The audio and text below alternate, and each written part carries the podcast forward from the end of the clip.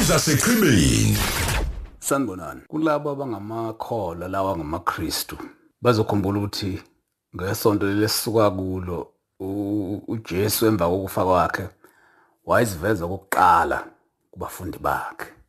Kodwa ke asishumayeli phela bakithi asikufundelanga thina ukushumayela sikwazi bangabe sebesihubha ke labo bazokushumayela bethi hawu nangokumbathi siyashumayela cha sigxile nje olimini. Ukuthi bathe abafundi bakaJesu becashile bevale yonke iminyango namafastele bevale nangonobhadula bezwa sekukhona umuntu osethi ukuthula makube nani? Lokhu kukhuluma bavele baqonda ukuthi okukaJesu kuphela. Akekho omunye umuntu waye- wayebabingelela kanje ethi ukuthula makube nani? Bethuthumela benjalo baqonda ukuthi hawu nayi inkosi sisibingelela ngamanye amazwi bamuzwa ngani ngendlela ababingelela ngayo. Athi ukuthula makube nani. Ngike ngacabanga-ke ngabuyela ekutheni o bakithi uma ubheka indlela okubaluleke ngayo ukubingelela. Nokuthi sekuxoveke kangakanani olimini lwesizulu.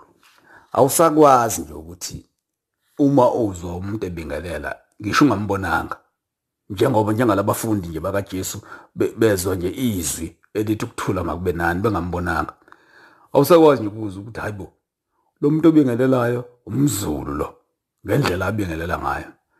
Ngoba sekuxoveke bakuxova bakuxova basishiya sibondwe ba- ba- basibonda basibonda basishiya nephini ngaphezulu.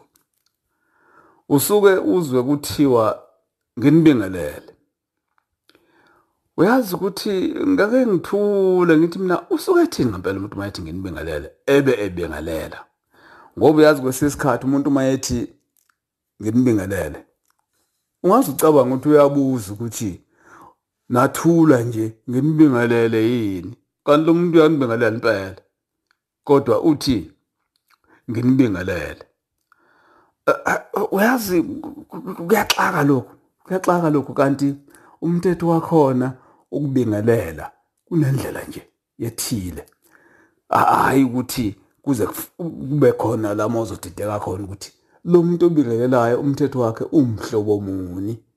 Ngoba kwesinye isikhathi abanye sekuhamba kuhambe uzwe bethi ngicela ukunibingelela. Uyazi ukuthi uma yahlekisa indaba ukuthi ngicela ukunibingelela. Ake ngithi nje mhlambe ngizothi indaba ezitha nethimba lakho hayi angingasho lokho sengaze kuthiwa hayi sacwila isidaba etshwaleni ake ngithi nje ithimba levuka Africa Breakfast Show ngithi kulona ngicela ukunibingelela bese mhlambe sekuba khona osethi hayi asifuni. Njengapha ngakithi nje enkumbeni sikhona ihonga esingavele sithi ngicela ukunibingelela sithi hayi cela usibingelela thina besithe sifuna ukubingelelwana zi- zihonge uthini ke uma uthe kubantu uthi ucela ukubingelela? Base bethi abayi abayingeni leyo kubingelelwa ngisho ukuthi ke uya- uyayibona indaba yokubaluleka kwendlela okukhulunywa ngayo ikakhulukazi masiya ekubingeleleni ukuthi kwaziwa ngisho umuntu ecashile ukuthi lo muntu obingelelayo umZulu lo umXhosa lo njengoba ake sikulandeleni bakithi awukahleni Zulu nizoyiphiwa inyama. Ake sikulandeleni uku- ukubaluleka kokubingelela. Ke sihambe endleleni zikaJesu.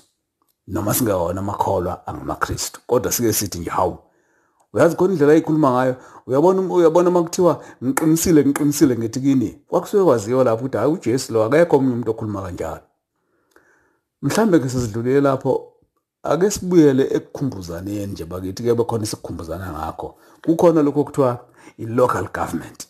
Ama-local government elections sasishilo la ukuthi u-local government uhulumeni wendawo ngamanye amazwi u-local no-home. Ngeke sisho ukuthi uhulumeni wasekhaya kodwa uhulumeni wendawo lo uma uthathela kulokhu kwesingisi okuthiwa u-local uhulumeni wendawo.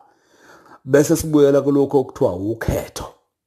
Ukhetho nakhona sasishilo futhi ukuthi ukhetho alinabo obuningi. Asi- akazikho inketho ngoba make wathi inketho usuke sekufuna ukuphoseka kwenye indawo.